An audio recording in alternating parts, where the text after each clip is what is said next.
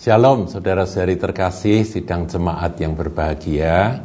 Saudaraku, dalam suara gembala kali ini kita akan belajar lagi ya, kita mengulang. Saya yakin saudara sudah pernah dengar akan kebenaran apa yang akan saya sampaikan ini, tetapi kita akan dalami lagi yaitu tentang pengertian gereja. Ya gereja dan bagaimana kita hidup bergereja atau berjemaat. Saudara, kata jemaat itu adalah sebuah istilah yang terambil dari bahasa Arab, jemaah ya. Kalau di dalam bahasa Yunaninya itu eklesia. Nah, dari eklesia ini bahasa Spanyolnya iglesias, kemudian kita mengenal kata igreja.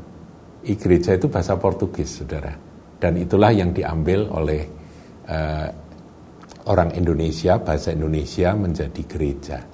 Jadi gereja itu ya eklesia, iglesias, igreja begitu ya. Nah kalau Arabnya jemaat. Nah dalam pengertian Yehu, ya, Yunani sekuler, saudara ini saya catat ya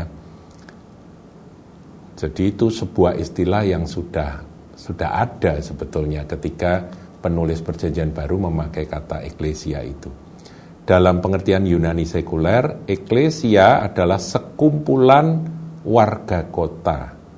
Sekumpulan warga kota yaitu orang-orang merdeka yang dipanggil keluar. Jadi arti sesungguhnya eklesia itu adalah yang dipanggil keluar dari mana? Dari rumah mereka masing-masing jadi eh, sekumpulan warga kota yang dipanggil keluar dari rumah mereka atau tempat kerja mereka untuk berhimpun bersama-sama membicarakan, membahas akan hal-hal yang penting bagi kota mereka. Yaitu asal-usul kata eklesia. Ya saudara kita uh, pelajari ini dan jadikan ini pengetahuan. Nah istilah inilah yang dipakai oleh eh, penulis penulis perjanjian baru saudaraku Injil Matius, Markus, Lukas, Yohanes yang ditulis dalam bahasa Yunani. Jadi uh, Tuhan Yesus dalam dua kesempatan, dua kali kesempatan menyebutkan akan kata eklesia itu dengan dua pengertian. Nah, kita perlu pahami, saudaraku. Jadi kata eklesia itu mengandung dua pengertian dan Tuhan Yesus menyebutkan dalam dua kali kesempatan itu. Yang satu adalah pengertian universal. Ya, jadi eklesia atau gereja atau jemaat secara universal. Nah, itu ada di dalam Matius 16 ayat 18 saya sampaikan ini adalah pengakuan Petrus, saudaraku ya, Matius 16 ayat 18. Dan aku pun berkata kepadamu, engkau adalah Petrus, dan di atas batu karang ini aku akan mendirikan jemaatku atau eklesiaku atau igrejaku. Dan alam maut, lebih tepat mestinya gerbang alam maut atau pintu alam maut tidak akan menguasainya atau mengalahkannya.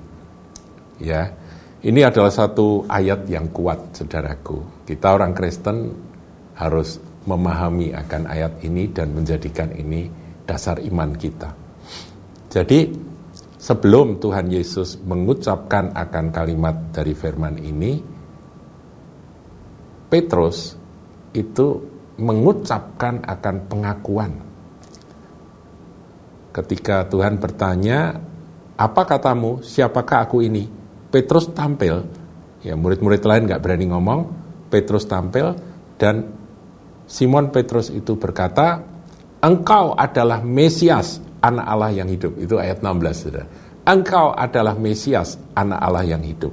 Kemudian ayat 17 Tuhan menjawab, kata Yesus kepadanya, berbahagialah engkau Simon bin Yunus sebab bukan manusia yang menyatakan hal itu kepadamu, melainkan Bapakku yang di sorga. Jadi itu sebuah pewahyuan, saudara.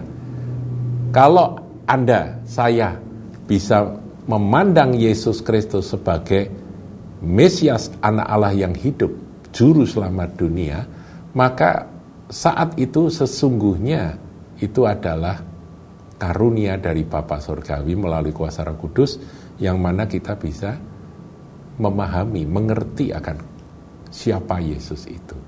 Nah, di atas dasar pengakuan bahwa Yesus adalah juru selamat, Yesus adalah anak Allah yang hidup, maka ya, maka Tuhan mendirikan gereja universal, eklesia secara universal. Jadi kata jemaat di dalam ayat 18 itu ya, aku akan mendirikan jemaatku dan pintu gerbang alam maut yang menyedot orang-orang untuk masuk ke neraka itu tidak akan berkuasa lagi.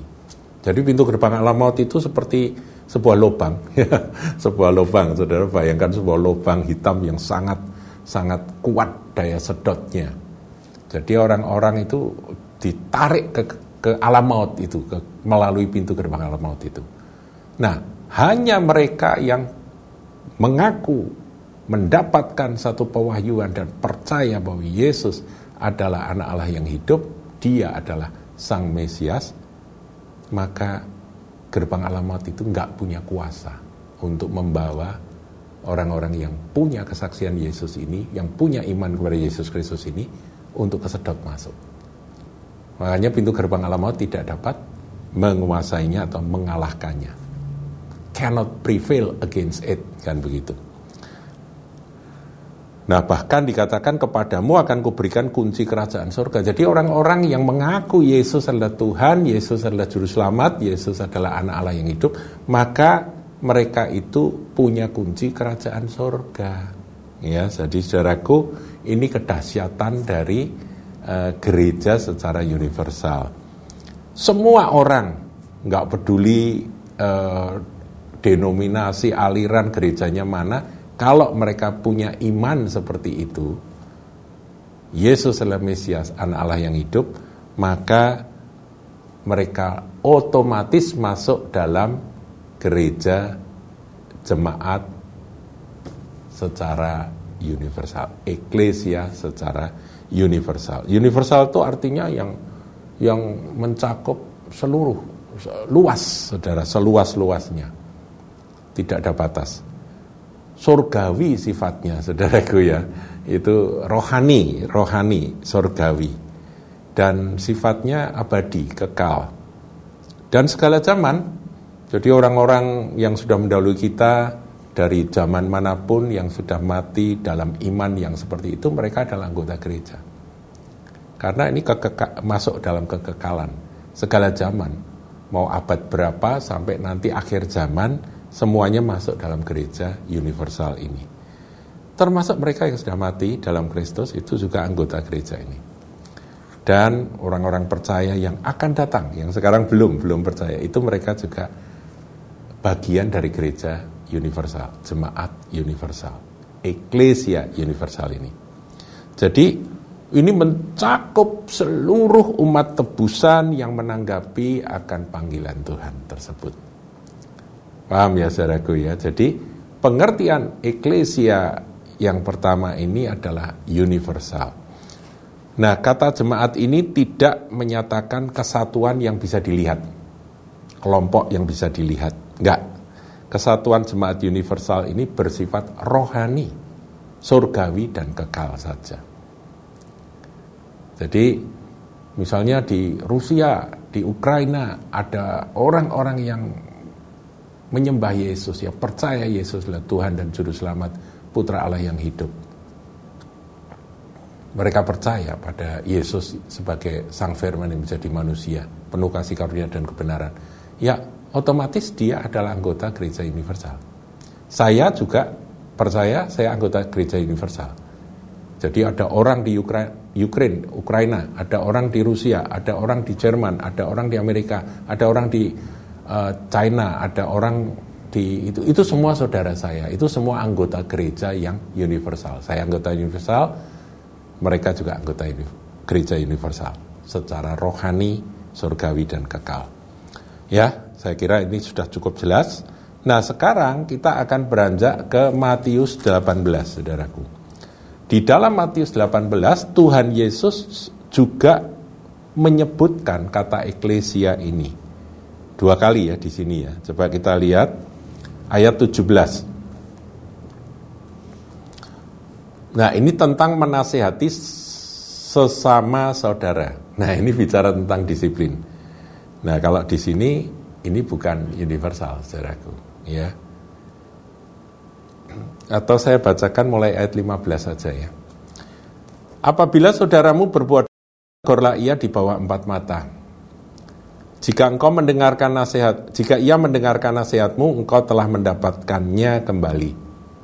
Tetapi ia tidak, jika ia tidak mendengarkan engkau, bawalah seorang atau dua orang lagi, supaya atas keterangan dua atau tiga orang saksi perkara itu tidak disangsikan. Jadi ada yang berbuat dosa, Anda tahu, Anda tegur empat mata. Kemudian kalau dia mendengar nasihat dan bertobat, kita uh, kita mendapatkannya kembali dikatakan begitu ya. Kemudian kalau tidak mau mendengar dikatakan bahwa ini loh saksinya menyangkal gitu ya. Kamu berjinah toh? Enggak. Siapa bilang gitu ya? Ini saksinya.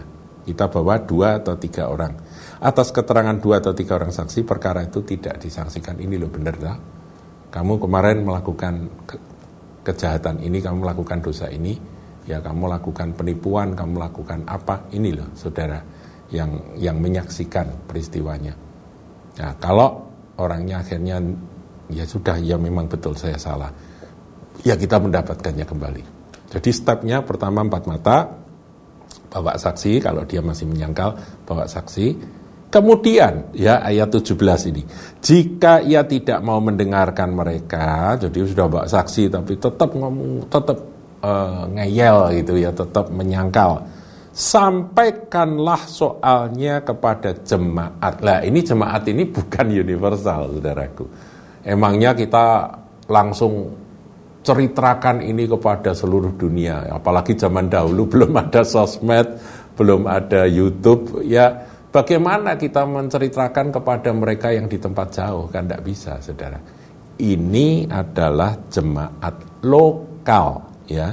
Jika tidak mau juga mendengarkan, eh, sampaikanlah soalnya kepada jemaat. Dan jika ia tidak mau juga mendengarkan jemaat, jadi disebut dua kali kata eklesia atau jemaatnya.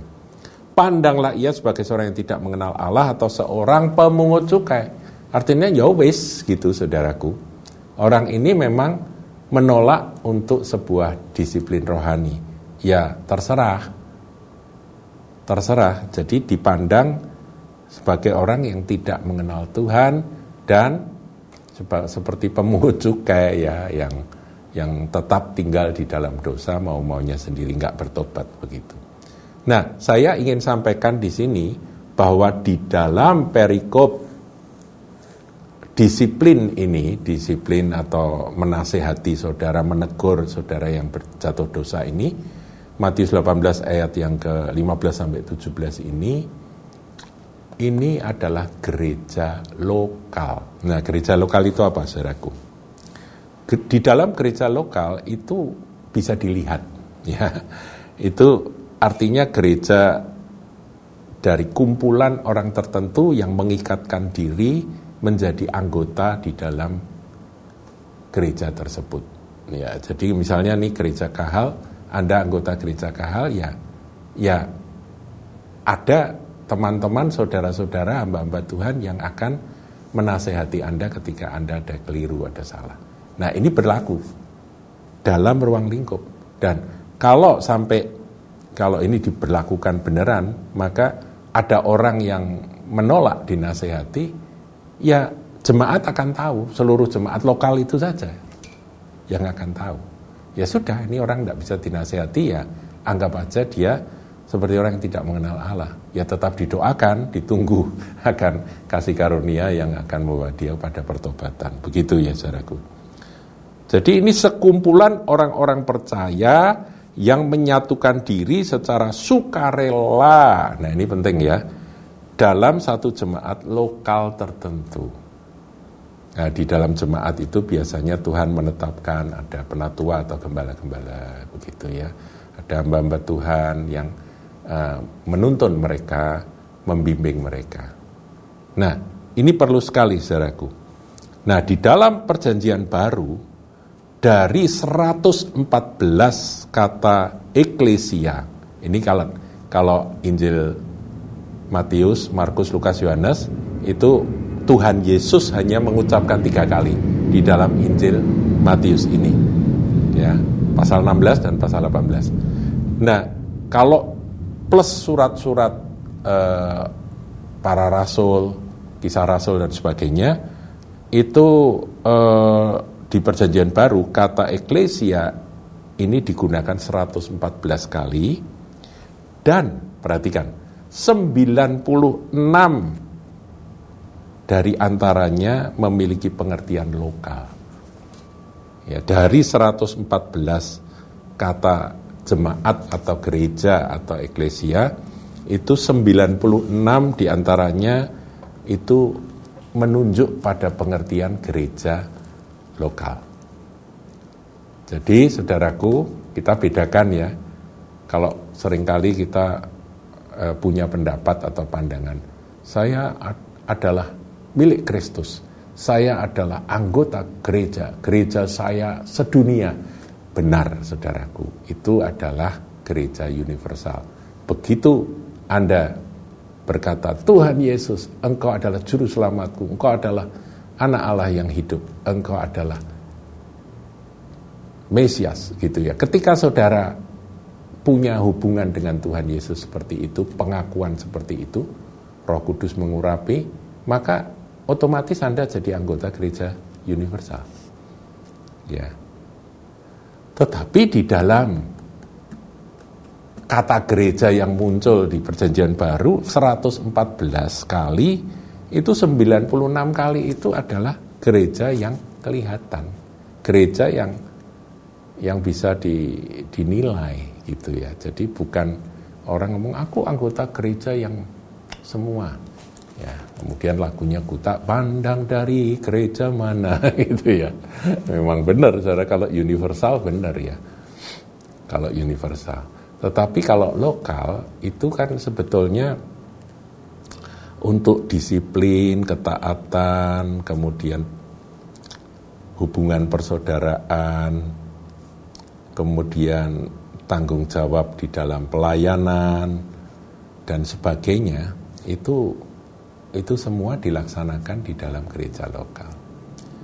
Ya, jadi uh, jemaat lokal itu kalau saya tulis di sini ini bagian kecil atau sepotong kecil dari jemaat universal sedunia.